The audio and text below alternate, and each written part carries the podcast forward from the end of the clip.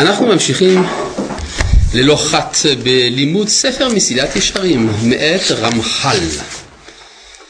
אה, בסוף פרק י"א, גמרנו את פרק י"א? לא, לא גמרנו. אה, דיברנו על הקנאה, כן, אה, זה מה שכתוב כאן. כן. על מה התחיל שאול לארוב אל דוד, כן? כן הקנאה, התאווה והכבוד, שהכבוד הוא זה שמביא את האדם לאובדנו, ואפילו אצל אנשים גדולים, כן? אז לפעמים יש איזו נטייה דקה מן הדקה שהיא מתגנבת לתוך הנפש של אהבת הכבוד. אנחנו לקראת סוף פרק י"א, כן? אה, על מה התחיל שאול לארוב אל דוד, אלא מפני הכבוד שנאמר, ותעננה הנשים המשחקות ותאמרנה. היכה שאול וגומר, מה זה גומר? באלפיו ודוד ברבבותיו, והאיש שאול עוין את דוד מהיום ההוא והלאה. כלומר שהיה אה, איזושהי קנאה בגלל ששיבחו את המעשים של דוד יותר מן המעשים של שאול, כן. זה שנשים משחקות, נו אז מה הבעיה? אה? הכל באישה ערווה. כן, אז יש על זה דיונים שלמים בין הפוסקים, איך זה יכול להיות. אז יש מי שכתב שאז כל העדה היו כולם קדושים ולכן אה, הם, אה, זה לא עשה להם שום דבר רע, אה, זה לא עורר יצר הרע. והאמת היא, ראיתי בחידה שהוא כותב שכשיש השראת שכינה, אז אין כל באישה ערווה. וזה היה כנראה בניצחון במלחמה, זו הייתה השראת שכינה מיוחדת וכדומה. טוב, אבל העיקר, הוא הביא את זה לא בשביל ללמוד על דיני כל באישה, אלא כדי ללמוד על הסכנה של הקנאה. מי גרם לו ליואב שיעמיד את המסע? אלא הכבוד שאמר לו דוד, אם לא שר צבא תהיה לפניי כל הימים. כללו של דבר, כלומר אפילו יואב שהיה זה שהעמיד את מלכות ישראל הפך לרוצח בן רגע בגלל בעיה של כבוד. כללו של דבר הכבוד הוא הדוחק את לב האדם יותר מכל התשוקות והחמדות שבעולם. ואילולא זה, כבר היה האדם מתרצה לאכול מה שיוכל, ללבוש מה שיכסה ערוותו, ולשכון בבית שתסתירו מן הפגעים, והיה פרנסתו קלה עליו, ולא היה צריך להתייגע ולהשאיר כלל. הרי מה אדם כבר צריך? הוא צריך איזה קיר, ארבע קירות מקסימום, וגג, וללבוש משהו. זהו, מה, מה כבר, ומה תאכל? לחם זה לא כל כך יקר, נכון? אפשר לאכול לחם. אלא מה, אנשים רוצים מאכלים מכובדים, וזה בושה אם בחתונה לא יהיו 70 סוגי סלטים ו-14 סוגי בשר, ואם האולם לא יהיה מצופה בזהב ויהלומים, אז זה באמת בעיה. לכן האדם משעבד את עצמו וכו' וכו'. כן? אז כל הדברים האלה, כל השטויות האלה, התחיל מן הכבוד. כמו שאנחנו אומרים בברכת המזון, הרחמנו יפרנסנו בכבוד. כלומר, מה מפרנס אותנו? הכבוד. אה, ואילו לזה כבר היה האדם מתרצה לאכול מה שיוכל, ללבוש משחק, אה, זה כבר היה. אלא שלבלתי ראות עצמו שפל ופחות מרעיו, מכניס עצמו בעובי הקורה הזאת, ואין קץ לכל עמלו. ועל כן אמרו רבותינו זיכרונם לברכה, הקנאה והתאווה והכבוד מוציאים את האדם מן העולם. אז זה כבר הסברנו שהקנאה זה אצל ילדים, התאווה אצל מבוגרים והכבוד אצל הזקנים. אבל האמת היא שמשלושתם יש בכל שלושת הגילים. והזהירונו אל תבקש גדולה ואל תחמוד כבוד, כמה הם שמתענים ברעב וישפילו את עצמם להתפרנס מן הצדקה ולא יתעסקו במלאכה שלא תהיה מכובדת בעיניהם מיראתם פן ימעט כבודם. פירוש הדבר הוא מעדיף, נתרגם את זה למושגים מודרניים, לקבל הבטחת הכנסה מביטוח לאומי ולא ללכת לעבוד בבית המטבחיים. למה? בית המטבחיים זה מקום מלוכלך, למרות ששם מקבלים משכורת טובה. מה שאין כן ביטוח לאומי, הוא יתפרנס מן הצדקה. היש לך הוללות גדול מזה? ויותר ירצו בבטלה, המביאה לידי שעמום ולידי זימה ולידי גזל ולידי כל גופי עבירות, שלא להשפיל מעלתם ולהבזות כבודם המדומה. אז אין לו מה לאכול בבית, ויש לו בעיות עם הילדים, אבל הוא לובש בגד מכובד, כי אמרו לו בכולל שהוא חייב ללבוש כובע וחליפה, זה עולה הרבה מאוד כסף. הוא לקח את זה בהשאלה, גמח מיוחד לחליפות, ולו רק שלא יתבזה בלעבוד במטבח. אבל אם הוא היה עובד במטבח עם בגדי עבודה, לפחות היה לו קצת כסף, ויכול אז ללמוד תורה בשקט. טוב, זה מה שכתוב כאן במסיעת ישרים, זה לא נמצאתי את זה. ואומנם, מה? יש כבוד שכאילו ראוי לבן אדם לשמור עליו? ודאי שצריך לשמור כבוד. כאילו אבל. רק שהכבוד לא צריך להיות של שטות. למשל, שאדם חושב שעבודה מסוימת היא בזויה. ואדרבה, גדולה מלאכה שמכבדת את בעליה. זה הכבוד באמת. ברור? אבל יש כאילו, לדוגמה, כמו שהרב אמר בבית המטבחיים, שזה... נו, מה רע לעבוד בבית המטבחיים? אין שום בעיה, אבל אני אומר סתם מלאכה שבאמת נחשבת כאיזה משהו, אה, לא יודע, לעבוד בפח הזבל. לעבוד בזבל, מה הבעיה בלעבוד בזבל? אבל אפשר להגיד שזה לא הכי מכובד. אני לא יודע, גם אני עובד בזבל. לא, זאת אומרת, כל אדם עובד בזבל, כלומר, לא באמת, אלא שיש כל מיני סוגי זבלים, יש זבלים גשמיים, שהם סך הכל רק זבלים גשמיים, ויש זבלים רוחניים ונפשיים, הרופא במה עוסק, הפסיכולוג במה עוסק, הרב במה עוסק. זאת אומרת, זה, זה, זה מדריג, והפוליטיקאי, כן? כל אחד עוסק בזבל שלו. זאת אומרת, אני לא מבין את הבעיה, דווקא הזבל הגשמי, זה שאוספים מן הפחים, זה הכי פשוט לעבוד בו. לא רק שמרוויחים הכי הרבה, אבל דווקא זה הדבר הכי מכובד שיש. סך הכל אתה מנקה את העולם, זה יופי. כל העולם כולו זקוק לניקיון, וכל המלאכות באות לנקות את העולם.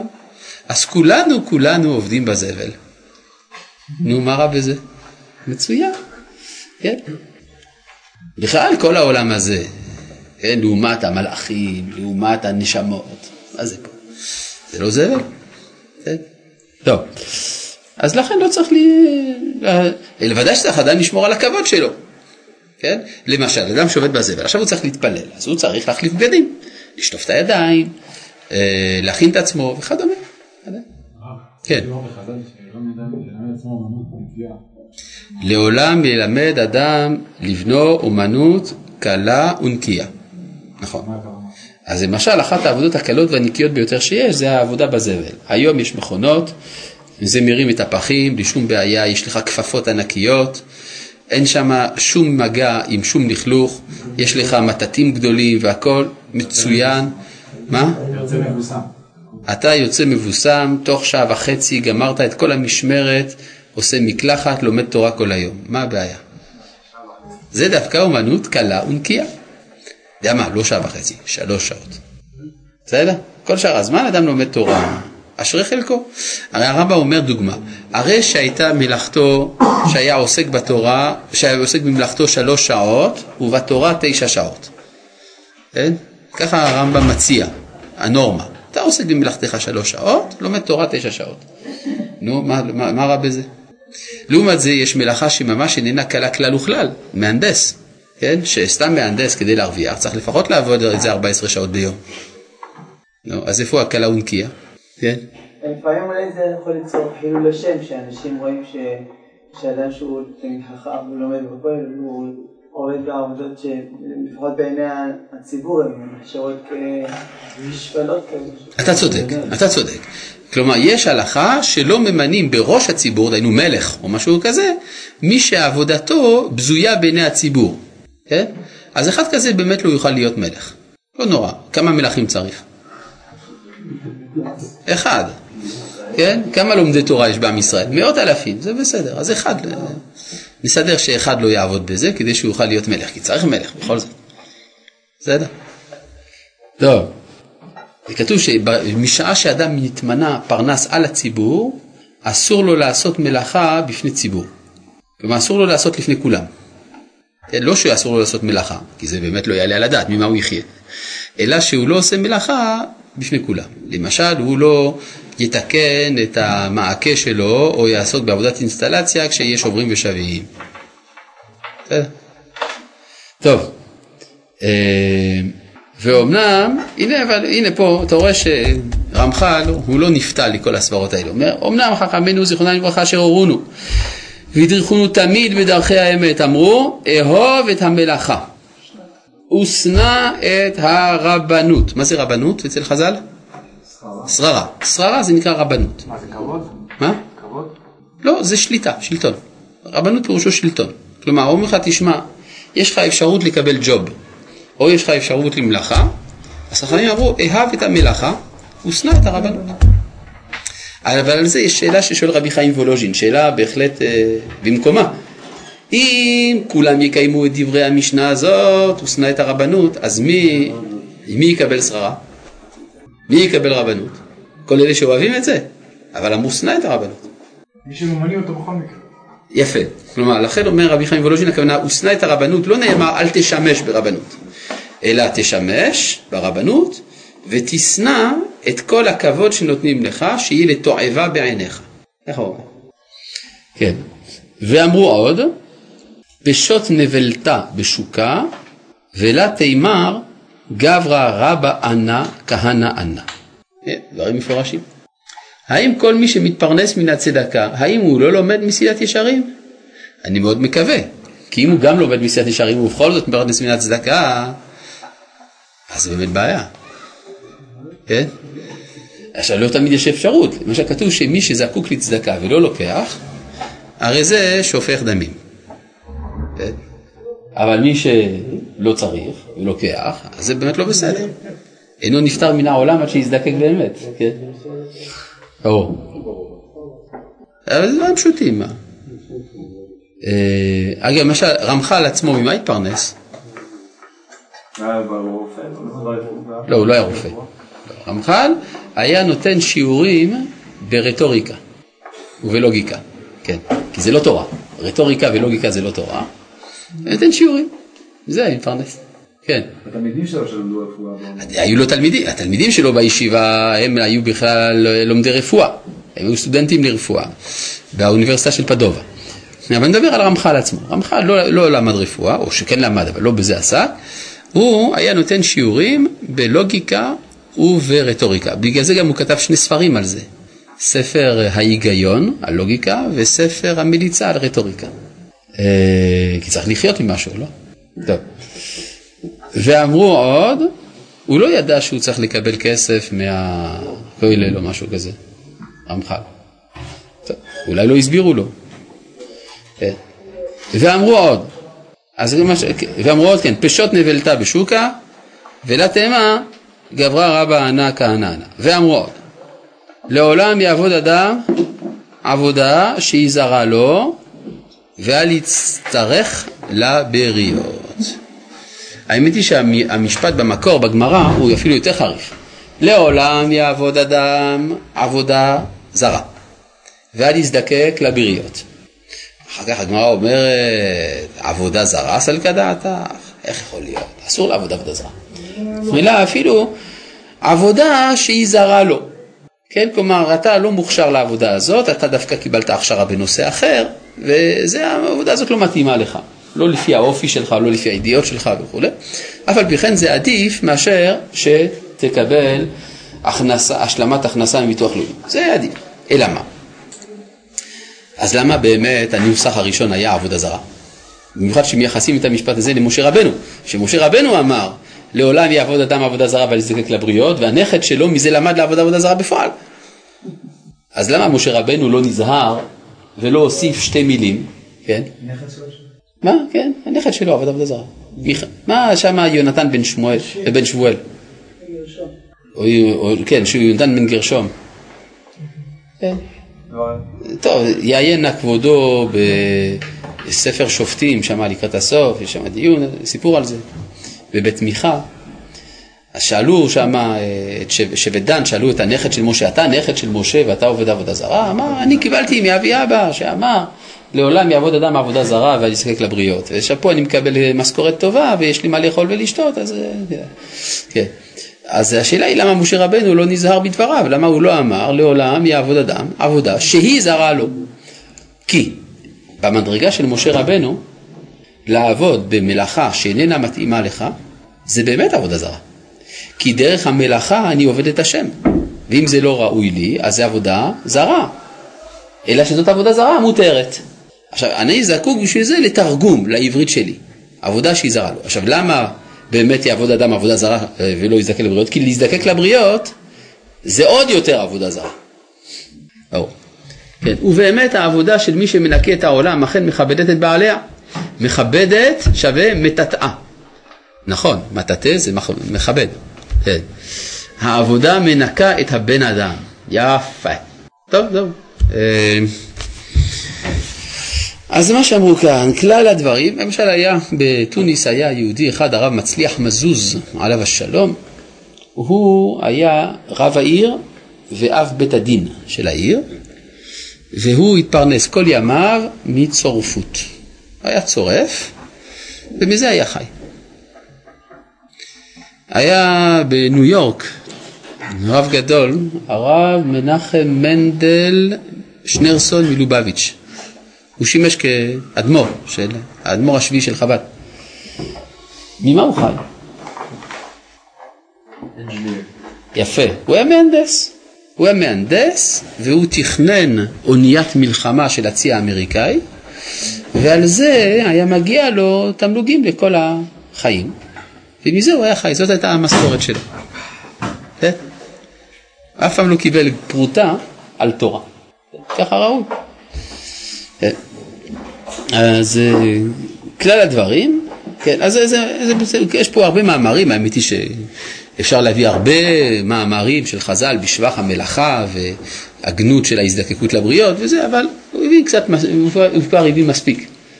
כן, סליחה כבוד הרב, לקבל מלגה מכולל, ישיבה מכון מאיר, זה דבר פסול? בואו נוסיף על זה עוד שאלה, משכורת למי שמלמד במכון מאיר זה דבר פסול? תשובה, ודאי, זה כתוב פה. אסור לקבל כסף על תורה. ודאי שזה דבר פסול. מה? מה אתה אומר? תשלומו על ביטול הזמן. תשלום על ביטול הזמן, איזה מין תירוץ זה תגיד לי? תמיד הרי ביטול הזמן, אלא מה? מה שכתוב על רבי אבאו, שרבי אבאו, כשהיו באים אליו לדין, אז הוא היה אומר לאלה, לבעלי הדינים שבאו להתדיין אצלו, אומר, אני מוכן לדון אתכם אם תשלמו באותו זמן למישהו שיחליף אותי בדקל. כלומר, הוא היה עובד בלגדור תמרים מן הדקל, אז יש לו מלאכה. עכשיו, הוא בטל מן המלאכה שיש לו, אז בגלל זה אני מקבל תשלום. אבל מה זה, לכן שכר בטלה, מה שנקרא זה שכר בטלה ממלאכתו, יש לו מלאכה, רק הוא בטל ממנה. האם אין לו מלאכה בכלל, זה נקרא שהוא בטל ממלאכתו? לא שייך בכלל.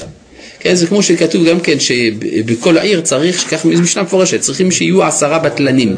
מה זה בטלנים? אז יש תשובה של הרמב"ם בנושא הזה. מה זה בטלנים? שהם בטלים ממלאכתם לצורכי ציבור. זאת אומרת שיש להם מלאכה, אבל כל פעם שהציבור צריך אותם, הם עוזבים את המלאכה באמצע והולכים לעבוד בנושא של, שהציבור צריך אותם. כן? זה הכוונה, ההוא סנדלר, ההוא רופא, ההוא זה, פה ושם, הוא עוזב באמצע, למה? הציבור צריך אותו. זה נקרא בטל ממלאכתו. זה ההלכה המקורית. עכשיו יוצא לפי זה שכל מה שאנחנו עושים פה, כולל מה שאני עושה, זה פסול. ברור. אז למה עושים את זה בכל זאת? יש תירוצים. התירוצים, יש לי אותם. רק צריך לדעת שתירוצים זה רק תירוצים. בסדר? פה אנחנו מדברים על האמת. האמת הבסיסית זה שאדם צריך להתפרנס מכוח עצמו ולא מכוח זולתו. הלאה. כן, בבקשה. עבודה שהיא חסד. אה? עבודה שהיא חסד, שהמהות שלה היא חסד, לעשות טוב לאנשים. כל עבודה זה חסד. אני בעל מכולת, זה לא חסד? אתה צריך חלב בבוקר לבן שלך. זה עסקים, אבל אני עושה את זה בשביל לפרנס אותך. מה? עבודה כמו עבודה סוציאלית, עבודה עם אנשים צרכים מיוחדים, דברים כאלה. אם יש איזה גם כן מעמד כזה של... האם אסור להתפרנס מעבודה סוציאלית? זה עבודה שהיא... של כמו מזה שאתה עושה. מצווה. אדם שעושה את זה, זה כאילו... יש בכלל שאלה, למשל אה, ברית מילה. אדם מוהל, כן? זה מצווה, נכון? למול את ילדי ישראל. נכון? מצווה. אסור לקבל על זה כסף. נכון? זה הלכה. מפורש. אז איך יחיו המוהלים? אה, איך יחיו המוהלים? אז אה, יש פטנטים. יש פטנטים. מוציא. בסוף, כשאתה מזמין את המוהל, אתה מכין לו מראש את המעטפה ואתה שם לו את זה בתוך הערכה של הדברים שצריך להכין לברית. כן? אתה דוחף לו את זה. כן? אבל אסור לו לבקש ממך. כן? אה, עובד סוציאלי זה לא ככה. אצל עובד סוציאלי. אז לכאורה עובד סוציאלי היה צריך להיות גם כן, אה, אסור לקבל על זה כסף בעיקר. מה? אתה אומר שהיום אה, באמת הם מקיימים את זה, לכן הם לא מקבלים כסף. אה, זה טוב, אז בזה הם מקיימים מצווה גדולה. כן. אז אני אומר, היום יש לנו כל התירוצים שבעולם, היום יש כוללים ויש ראשי ישיבס ויש רבני ערים ויש כל מה שאתה רוצה. כל התירוצים מצאו, והתירוצים קיימים בספרי ההלכה, אפשר לעשות מהם ערימות מאוד יפות של תירוצים, יש הכל. אבל צריך לדעת, זה תירוצים. הלאה. ולכן רמח"ל, שהוא איש אמת, אומר לנו את האמת. כלל הדברים, הכבוד הוא מן המכשולות היותר גדולים אשר לאדם, ואי אפשר לו להיות עבד נאמן לקונו כל זמן שהוא חס על כבוד עצמו. כי על כל פנים יצטרך למעט בכבוד שמיים מפני סכלותו. זהו מה שאמר דוד המלך עליו השלום, ונקלותי עוד מזאת והייתי שפל בעיניי. למי הוא אמר את זה? למיכל בת שאול, נכון?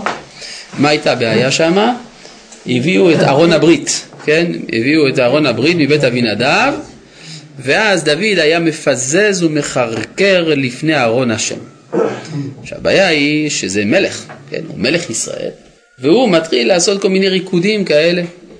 עכשיו יותר מזה, הרי מה לבש דוד? לבש אפוד בד. מה זה אפוד בד? זה סוג של שמלה, כן? שמלה של גברים. זה מה שלבש אה, דוד עם חגורה, וכמובן כשהוא רוקד זה מתרומם מכל הכיוונים, כן? לא מכובד כל כך, רואים את מלך ישראל שנגלה, כן? לעיני אמהותיו. אז אה, מיכל בת שאול שהיא מאריסטוקרטיה ותיקה, וזה, אומרת, זה מה נכבד היום מלך ישראל? ככה מתנהגים?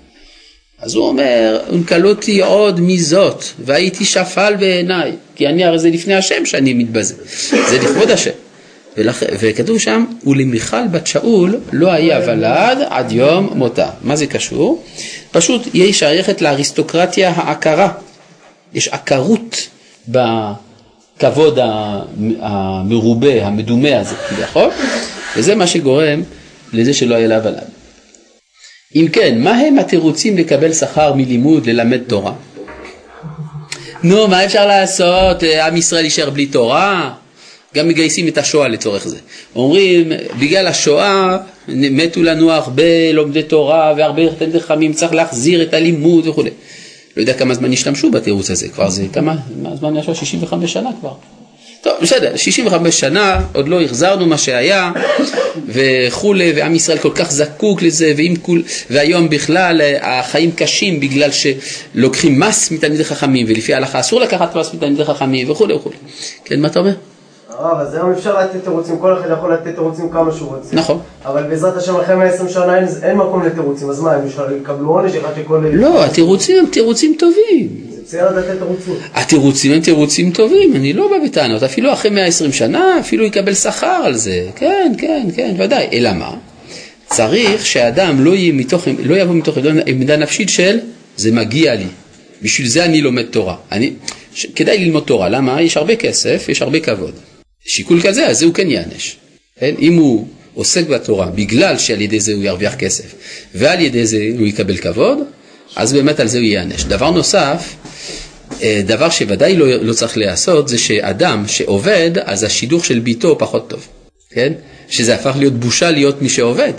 זה ממש שערורייה. כן? זה בניגוד גמור למוסר של היהדות. עם כל התירוצים שיגידו בעולם, זה לא יכול לעבור. נגיד, אצלי זה לא עובר מסך, אני אתאר לעצמי שגם אצל הקדוש ברוך הוא, למרות שלא שאלתי אותו, זה גם כן לא עובר מסך. שמי שעובד, אז השידוך שלו דפוק בגלל זה? מה פתאום?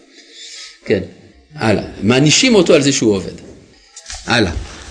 אה, וזהו מה שאמר, היה יהודי אחד מגדולי הפוסקים במאה ה-20, הרב משולם רוט. הוא אה, היה, מאז שהגיע לארץ, אחרי השואה, במשך כשלושים שנה בערך הוא עבד כפקיד בבנק, והוא היה מגדולי הפוסקים. טוב, כתב שאלות ותשובות כל מבשר. וזהו מה שאמר דוד המלך עליו השלום. ונקל אותי עוד מזאת והייתי שפל בעיניי. והכבוד האמיתי אינו אלא ידיעת התורה באמת. וכן אמרו זיכרונם לברכה, אין כבוד אל התורה, שנאמר כבוד חכמים ינחלו. וזולתה אינו אלא כבוד מדומה וכוזב, הבל, ואין בו מועיל. וראוי הנקי להינקות ולהיטהר ממנו טהרה גמורה, אז יצליח. כן, זה כנראה הדבר הקשה ביותר, לכן זה גם מובא בסוף כל הרשימה של אחרי גזל, עריות, אה, אה, מידות רעות, אה, הונאה, שקר, חנופה, וזה בסוף, במה הוא מסיים את פרק י"א הרמח"ל? בכבוד. והנה כללתי עד הנה רבים מפרטי הנקיות, וזה בניין אב לכל שאר המצוות והמידות כולם, ישמע חכם ויוסף לקח ונבון תחבולות יקנה. אז מה זה הנקיות לפי רמח"ל? להיזהר בענפי האיסורים. לא בדברים שהם מידת חסידות, אלא בדברים שהם איסור ממש. הענפים, כי הרי לכל איסור ואיסור יש ענפים, והענפים לא תמיד גלויים, ענפים דקים, אבל גם הם בכלל האיסור, והנזהר בזה הרי הוא מנקיי הדעת. עד כאן ברור? טוב.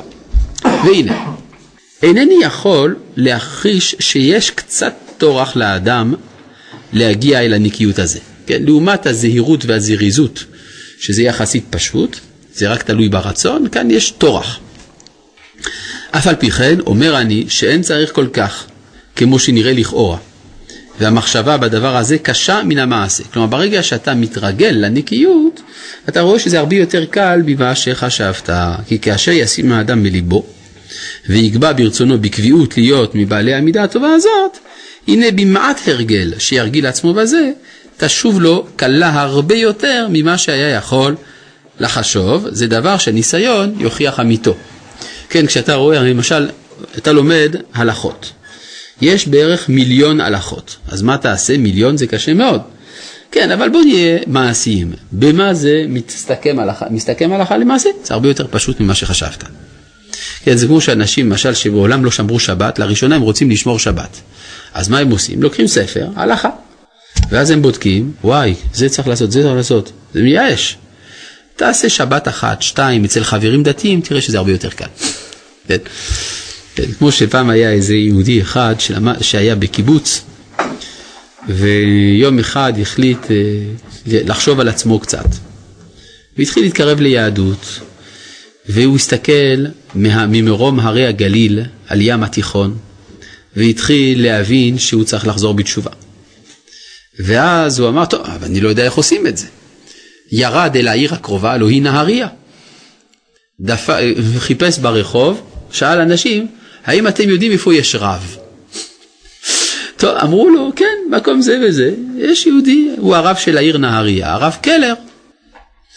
נכנס אותו בחור אה, צעיר, זה היה בתקופה שאז לא היו הרבה בעלי תשובה. בחור חילוני, אה, קיבוצניק, בלונדי, עיניים כחולות, נכנס, דופק בדלת, הרב קלר מקבל אותו, אומר, אני רוצה לחזור בתשובה, מה עושים? הרב קצת מופתע, לוקח ספרון, אומר לו, קח את זה, זה הקיצור שולחן ערוך. הוא אומר, תקרא את זה, כל מה שכתוב שם תעשה. שלום. טוב, הבחור התחיל לקרוא, עשה כל מה שכתוב שם. כתוב שם מה שכל פעם שלמשל עוברים ליד המזוזה, צריך לנשק את המזוזה, וצריך לקרוא כך וכך וכך, איזה מזמור שלם וכל מיני דברים ותפילות וזה וזה, והיה עובר מחדר לחדר בתוך ביתו, וכל פעם שהיה צריך לעבור מחדר לחדר היה מנשק את המזוזה, הוא אומר, הרי הרב אמר לעשות את זה. כן, זה מה שקורה כשעושים דברים בלי להכיר את הדברים מקרוב. כן? או, לא, ברוך השם, אחר כך הבחור הזה באמת הבין שמדובר רק במצבים מיוחדים, כשיוצאים לנסיעה ארוכה וכולי וכולי. באמת, אה, ברוך השם, אה, הוא אחר כך אה, הפנים את הדברים ובנה את מכון מאיר ובנה תורה שכל כולה הארת פנים וכולי ונורמליות. כן. אבל זה לקח לו זמן בהתחלה, הוא. ואז הוא הקים מכון מאיר, מכון נורא ועוד הרבה דברים טובים. ותרוץ מאיר. טוב. למה אין טורח בזהירות? להפך, זה יותר קשה מהנקיות. אה, פשוט מאוד. כי בזהירות מדובר להיזהר מן הרע הגלוי. כן? כלומר, יש דברים שהם רעים, וגלוי שהם רעים. ולכן זה לא כל כך קשה למי שהחליט לעשות את הטוב ולא את הרע, להיזהר. לעומת זה בנקיות שמדובר בפרטים דקים שלא תמיד הנפש רואה אותם, לכן יש פה טורח. זה דורש טורח לימודי יותר גדול. פרק י"ב, יום גדול. אנחנו פותחים עכשיו פרק חדש. בדרכי קניית הזהירות, עשר הנקיות. אה. האם מי שראוי ללמוד ובחירתו לעבוד פוגעת בלימודו ובמקום ללמוד עשר שעות ביום מגיע לשתיים שלוש לכל היותר? האם לא עדיף לו להתפרנס מן הכולל? תלוי. אנחנו נעשה איתו חשבון, נעשה איתו ישיבה פרטית, נבדוק מה הוא יכול לתרום לעם ישראל, מה הוא יכול לתרום לעצמו, אה, מה מתאים לו יותר, ולפי זה אנחנו נבדוק. אולי עדיף כן שילמד רק 2-3 שעות ביום ולא 10 שעות, ויכול להיות שבמקרה הפוך נעשה חשבון שאדרבה כדאי שיתפרנס מן הכולל, לא בשביל טובת עצמו, כי טובת עצמו חשובה, חשובה לנו כקליפת השום, אבל מה שחשוב לנו זה טובת כלל ישראל, ויכול להיות שזה טובת כלל ישראל שכן ילמד בכולל, נבדוק. צריך בשביל זה ישיבה כנה, פנים אל פנים, עם רבו, ועם אשתו אגב, כדאי גם. כבוד הרב, שלום. האם נכון לו לאדם לשמור על עצמו מקנאה בכך שייזהר לא לבקש את דברי חברו החיוביים ובכך יקבל עסקת חבילה גם את חסרונותיו בחיים. יש קשר בין הדברים מבחינת המקורות ביהדות? תראה, אה, הדברים החיוביים שיש אצל חברו, ראוי לקנא בהם אם הם ראויים לו. זה מה שלמדנו לפני כן במידת הנקיות, אה, לא, במידת הזריזות, לגבי אין אדם אה, שכל אדם נכווה מחופתו של חברו. אז מה זה נכווה מחופתו של חברו? אז הסביר לנו רמח"ל שאין הכוונה לזה שהוא מקנא במה שיש לחברו, שזו קנאה של השכלים והטיפשים, אלא הכוונה שהוא מקנא בעצמו, שהוא רואה שחברו הגיע למעלה מסוימת, שגם הוא יכול היה להגיע לאותה המעלה, וזה הקנאה. וזה מעודד אותו להגיע לאותה המעלה אם היא ראויה לו. אבל אם יש, לו, אם יש לחברו איזה מעלה שבכלל לא שייכת לו, אז אין לו מה להתקנא, כי זה לא שייך אליו. אני זוכר לפני שנים רבות, בחור אחד במכון מאיר אמר לי, החיים שלי הם, הם אסון. אני אדם שבור. שאלתי ומדוע?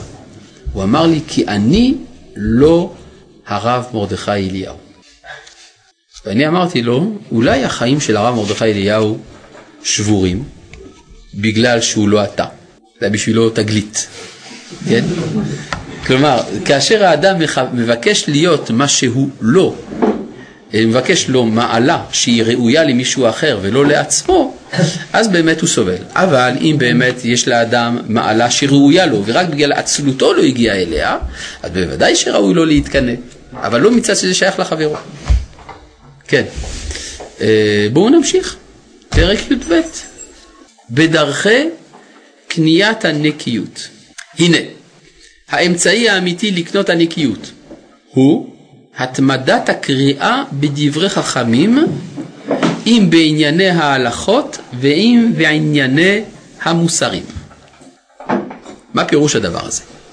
אדם רוצה להיזהר במידת הנקיות, לקנות את מידת הנקיות. מה הוא צריך לעשות? ללמוד. מעניין, מה יכולנו לחשוב? שהוא צריך להתלהב. רמח"ל בכלל לא הולך בכיוון הזה. כלומר, הרעיון של ההתלהבות, אדרבה, זה מה שעשוי לטשטש את השכל, את הבירור של האמת. כן, זה כמו שמצאנו אצל כמה בעלי מוסר שאמרו דבר מאוד אמיתי, והוא שאם האדם נכשל בעבירה כלשהי, הוא צריך ללמוד את ההלכות הנוגעות לאותה העבירה. מדוע? כי מדוע אדם נכשל בעבירה? בגלל שהוא לא הבין מהן הגבולות בין הטוב לבין הרע. לכן תלמד את הגבול בין הטוב לבין הרע, ממילא גם יצר הרע יהיה יותר מוגדר, אתה תדע מה באמת אסור ומה באמת מותר. או, כמו שלמשל מצאנו עם ילטה, אשת רב נחמן, שהיא אמרה לרב נחמן שהיא רוצה לאכול בשר בחלב. היא לא חשבה שרב נחמן יתיר לה לאכול בשר בחלב, אבל היא אמרה, אתה צריך למצוא את הדרך להגדיר את ההבדל המדויק בין בשר וחלב האסור לבין בשר בחלב המותר. כי הרי יש לי השתוקקות לאכול בשר עם חלב. ולא יכול להיות שההשתוקקות הזאת אין לה ביטוי מותר בכל אופן שהוא.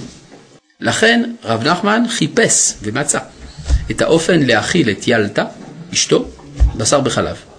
מה הוא מצא? נתן לה לאכול כחל. כחל. ואז בעצם היא אכלה בשר בחלב, מותר. נכון? הלאה. אתה עם הכיפה, מה זה בשר, מה זה כחל? אתה לא יודע, למה לא שאלת? ההלכה היא שכשתלמיד לא יודע משהו, לא מבין משהו שהרב אומר, לפי ההלכה הוא חייב לשאול. אה, יפה מאוד. מה זה כחל? טוב, יענו לך אנשים אחרים. אתה יודע מה זה כחל? אז למה לא שאלת? לא בסדר. כחל זה עטינים של פרה. העטינים של הפרה, יש לזה טעם של בשר בחלב, וזה, כשר. טוב, אה, רק שיש הלכות איך אוכלים את הכחל, בסדר, בשולחן ערוך יש אה, סימן שלם ביורד דעה איך מבשלים את הכחל. מה? צלייה. אחינו האשכנזים מתירים רק בצלייה, נכון, אחינו האשכנזים מתירים רק בצלייה. יעיין נא כבודו ביורד דעה שם, בפרטי העניין. טוב, אה, אז לכן אומר כאן הרמח"ל, צריך לברר את הדברים על פי האמת, על פי השכל, בקיצור. הנה האמצעי האמיתי לקטון את הנקיות הוא התמדת הקריאה בדברי חכם ז"ל עם ענייני ההלכות ועם ענייני המוסריים. כי הנה, אחר שכבר התעמת אצל האדם חובת הנקיות והצורך בו, אחר שכבר השיג הזהירות והזריזות במה שנתעסק בדרכי קנייתם והתרחק ממפסידיהם, הנה לא יישארו לו עתה עיכובים לקנות הנקיות, אלא ידיעת הדקדוקים אשר במצוות, כדי שיוכל להיזהר בכולם.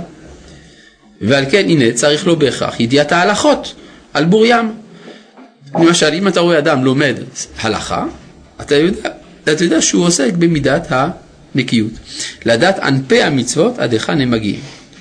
וגם לפי שהשכחה מצויה בדברים הדקים האלה, הנה תצטרך לו התמדת הקריאה בספרים המבארים אלה הדקדוקים, למען חדש בשכלו זכירתם. ואז ודאי שיתעורר לקיימם. וכן, אגב, דקדוק אין הכוונה, אין הכוונה עצבנות, כן? לא, יש עניין, יש דקדוק ויש עצבנות. לדקדק, הכוונה לדקדק. למשל אמרו לך להגיע בשעה ארבע לאיזשהו מקום. אתה מגיע בשעה ארבע. אבל להיות עצבני, הכוונה שכבר משעה שלוש אתה בלחץ, ואתה מתקשר לשעון הדובר לדעת בדיוק אם השעון שלך מכוון, ואתה גם בכלל, אה, בקיצור, משתגע מזה, כן? כי צריך להיות בארבע. לא, תגיע בזמן, זה הכל. כן. אה, אז אותו דבר לגבי דקדוקי ההלכות, כן? דקדוקי ההלכות. למשל יש אנשים שכתוב בהלכה שצריך לבדוק שהתפילין של ראש עומדים באמצע. נכון? איך בודקים את זה? בודקים, נכון? הנה, זה באמצע. זה נקרא לדקדק.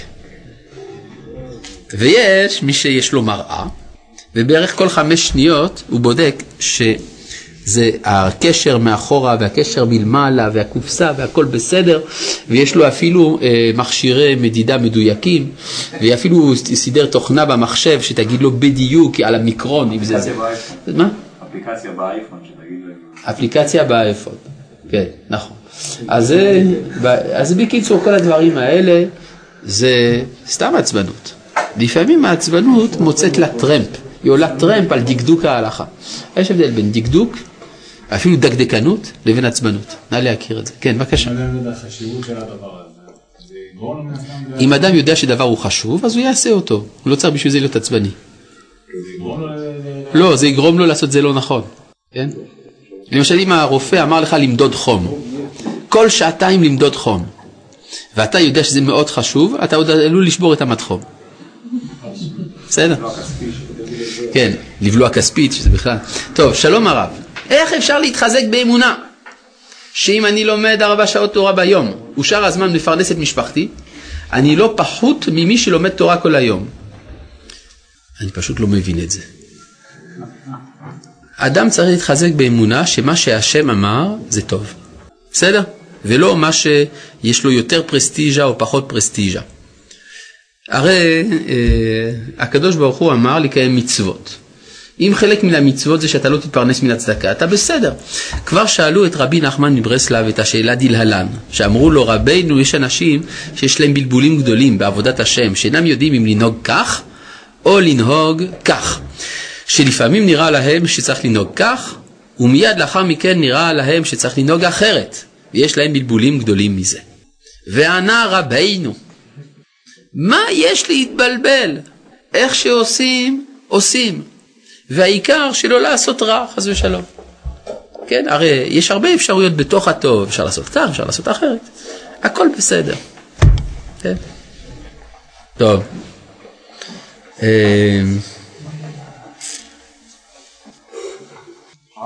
כן.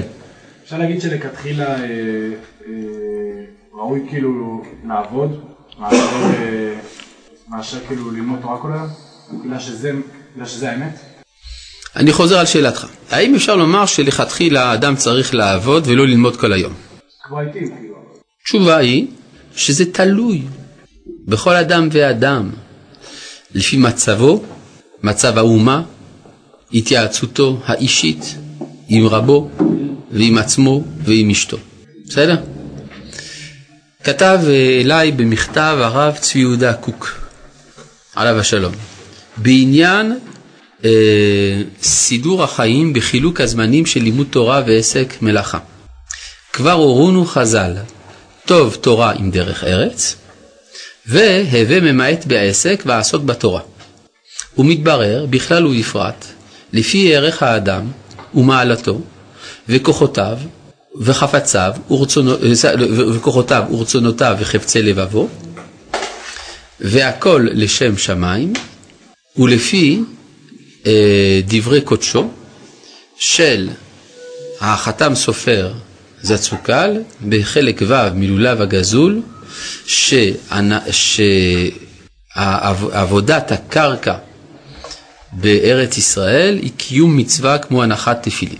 זהו, זה, אם כן זה אומר שזה משתנה מאדם לאדם. ולכן השטנציות שאומרים שחייבים להיות דווקא כך ולא, דווקא, ולא אחרת, זה להתעלם ממה שאמרו רבותינו, שאין פרצופי, כשם שאין פרצופיהם שווים, כך הן דעותיהם שוות וכו'. טוב, אה, בואו נמשיך. וכן בעניין המידות, אז, לא, הנה תצטרך לו התמדת הקריאה בספרים המבארים אלו הדקדוקים למען חדש בשכלו שכירתם, ואז ודאי שיתעורר לקיימם. וכן בעניין המידות, מוכרחת לו קריאת מאמרי המוסר לקדמונים או לאחרונים. מה זה מאמרי המוסר של הקדמונים? ספר משלי, מסכת אבות, ספר הפרישות לרבינו סעדיה גאון, אה, תיקון המידות לרבינו שלמה אבן גבירול, ספר חובות הלבבות לרבינו בכיה אבן פקודה, שמונה פרקים לרמב"ם, זה הקדמונים. מה זה המאוחרים? שערי קדושה וראשית חוכמה ואורחות אה, צדיקים ומסיעת ישרים. כן, מה אתה אומר? מדובר לא פה רק על ספרים שנמצאים בתוך המסגרת של היהדות? לא. לגבי המידות, יש גם ספרים מחוץ ליהדות, יש הרבה מאוד ספרים מחוץ ליהדות שגם כן מדריכים במידות. למשל, האתיקה אל ניקומקוס, והאתיקה אל אוידוימוס, והמאמרות של קונפוצה, ועוד, יש הרבה ספרים, מאמרות השוקה, יש הרבה דברים טובים שנכתבו על ידי גויים, שיכולים להדריך את האדם לתיקון המידות, גם זה קיים. כן. מה זה פרסטיז'ה? זה יוקרה. באופן מדהים מצאתי שאכן לימוד הלכות של איסור מסוים עוזר מאוד להתגבר על המידה הרעה. אחרי שנים של התמודדות עם נידה, לימוד קבוע של שולחן ערוך, נידה קצ"ה וכולי, פלפול במרן וברמה, עזר באופן פלאי, שווה לנסות. עדות ממקור ראשון, שזה אגב נכון. ככל שלומדים יותר את ה... למשל זה כמו אנשים אומרים, אני לא רוצה ללמוד הלכות לשון הרע. למה? כי אם אני אלמד הלכות לשון הרע, אני אכשל כל הזמן, אני, אני מעדיף לא לדעת. להפך, כשאתה לומד הלכות לשון הרע, אתה יודע מתי כן מותר לדבר. ואז זה משחרר מאוד, כי האדם יודע בדיוק לזהות באופן מדויק איפה האיסור, ולא מעבר לו. לעומת זה, כשאתה לא לומד, אתה כל הזמן חושש שאולי מה שאמרת זה לא בסדר. טוב.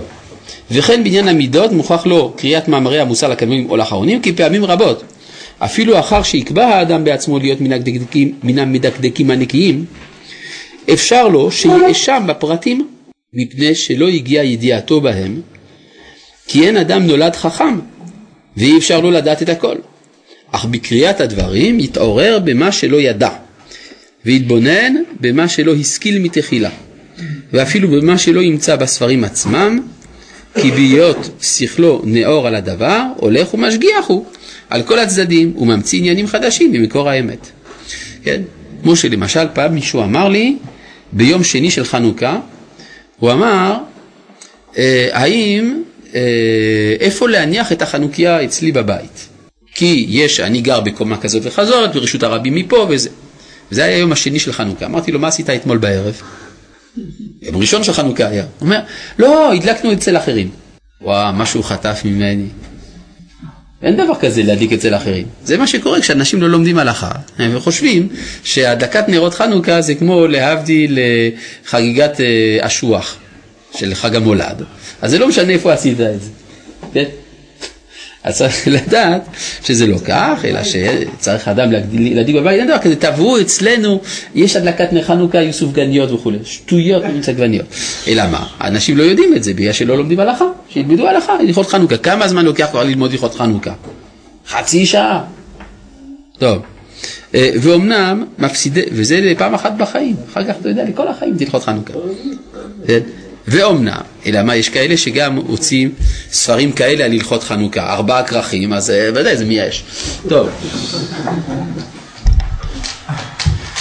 החפץ חיים היה דברן גדול מאוד. לא יודע מאיפה הוא לקח את זה, לא יודע מה זה אומר, מה, זה אפילו לא שאלה. טוב. אם עשיית מצוות מסוימות גורמות ללחץ נפשי על גבול האובססיה, איך ניתן להילחם בזה? האם אפשר להניח את המצוות לזמן מה? תודה כבוד הרב. הדבר הטוב ביותר זה לשאול את הרב שלך. פעם היה איזה יהודי אחד שהייתה לו אובססיה, הוא רצה להיות בטוח שהוא מכוון בפסוק ראשון של קריאת שמע. זה לוקח לו 40 דקות כל יום, בשביל הפסוק הראשון של קריאת שמע, לכוון, הוא לא היה בטוח, היה חוזר ופה ושם. הרב אליהו אמר לו, אסור לך לכוון. אל תכוון. היה אחד, אה, התארס ורצה לגדל זקן. אשתו אמרה לו, לא רוצה שתגדל זקן, ארוסתו. הלך לרב אליהו, אמר, אני אוסר עליך לגדל זקן עד שתבוא, עד שתתחתן, ואחרי זה תבוא אליי. טוב, התחתן, בא לרב אליהו, אמר לו, אני אוסר עליך לגדל עד עוד שנה. רגע עוד שנה. אחרי חמש שנים, הרב אליהו התיר לו לגדל זקן. כן? שלום בית זה דאורייתא. אורך הזקן, חסידות. צריך לדעת מה ההלכה, כן? אז אובססיות זה בגלל שאנשים לא לומדים. כן, הלאה. אה, ואומנם, מפסידי המידה הזאת, הנה הם כל מפסידי הזהירות, שזה החברה הרעה ובזבוז הזמן, אהבת המנוחה וכו', כן. ונוסף עליהם חסרון הבקיאות בידיעת הדינים או המוסרים כמו שכתבתי. וכבר אמרו זיכרונם לברכה, ולא עם הארץ חסיד. אתה לא יכול להתנהג בחסידות אם אתה לא יודע את ההלכות, אתה לא מבין על מה מדובר בכלל. כי מי שלא ידע, אי אפשר לו לעשות. וכן אמרו, כן, אני זוכר פעם, אה, הייתי, ראיתי מקום שבת בבוקר, איזו קבוצה של אנשים בעלי תשובה, היו לאיזשהו מקום, שבת בבוקר אני רואה כל הרצפה של החדר רטובה. למה? פשוט הם נטלו ידיים, אבל מה, הם שמעו שאסור ליטול ידיים בכלי סדוק, והכיור היה סדוק.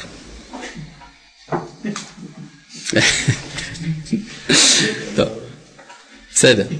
ולא אמר את חסיד, בסדר, זה מצחיק, אבל מי שלא יודע, לא יודע.